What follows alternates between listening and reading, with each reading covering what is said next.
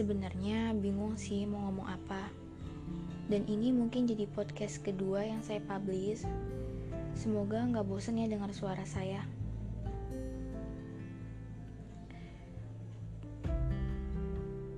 Kesendirian Perihal kesendirian Kayaknya dewasa ini kesendirian udah menjadi teman akrab sehari-hari. Teman yang selalu menemani dalam sedih maupun bahagia. Atau bahkan lebih mengenal sehancur dan sebahagia apa pun diri kita. Dulu waktu masih kecil, saya kira menjadi dewasa menyenangkan. Tapi ternyata persepsi saya nggak sepenuhnya benar. Menjadi dewasa ternyata capek ya. Terlalu banyak rasa sakit yang harus diterima, selalu berpura-pura kuat di depan banyak orang. Selalu menyembunyikan perasaan yang sebenarnya butuh banget buat didengar. Padahal sesekali kita boleh kok merayakan kesedihan, kegagalan, bahkan kekecewaan. Karena kita masih manusia. Kita bukan robot yang selalu bekerja 24 jam tanpa henti. Bukan juga badut yang dituntut untuk selalu membuat orang lain tertawa. Kita manusia. Nangis bukan berarti lemah. Justru dengan menangis, perasaan jadi jauh lebih tenang kan?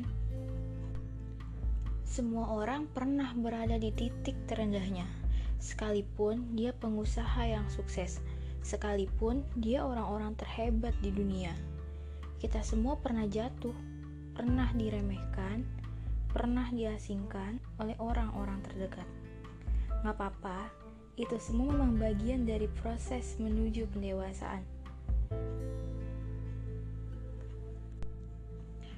Orang-orang yang kita temui emang gak selalu menjadikan kita tempat tujuan untuk berlabuh. Ada beberapa yang hanya singgah, duduk sebentar, lalu melanjutkan perjalanan.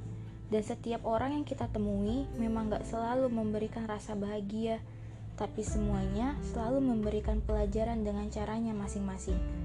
Entah melalui patah hati, tertawa, rasa damai,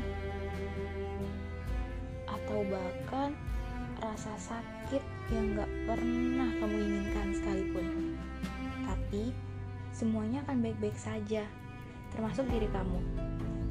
Rasa sakit itu akan hilang seiring dengan berjalannya waktu. Seiring dengan diri kamu menuju kedewasaan. Nikmati dan rayakan ya.